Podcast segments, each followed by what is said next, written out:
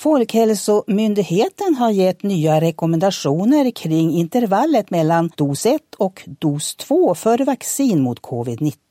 Rekommenderat intervall ändras från 6 till 7 veckor för vaccinen Pfizer, Biontech och Moderna. Det är fortfarande hög smittspridning av covid-19 i samhället. Ett förlängt intervall innebär att fler får vaccin tidigare än beräknat. Det är viktigt att så många som möjligt snabbt får sin första dos för att smittspridningen ska dämpas. Vi följer Folkhälsomyndighetens rekommendationer och i samråd med smittskyddsläkaren införs det förlängda intervallet när vi startar vaccineringen i fas fas 4. Det beräknas kunna ske i början av juni, berättar Karin Sellgren, vaccinationssamordnare vid Region Västernorrland. Dos 1 ger ett bra skydd mot allvarlig sjukdom. Man behöver inte börja om eller ge någon extra dos, även om det går lite längre tid än sju veckor mellan doserna. Den som har fått en tid för dos 2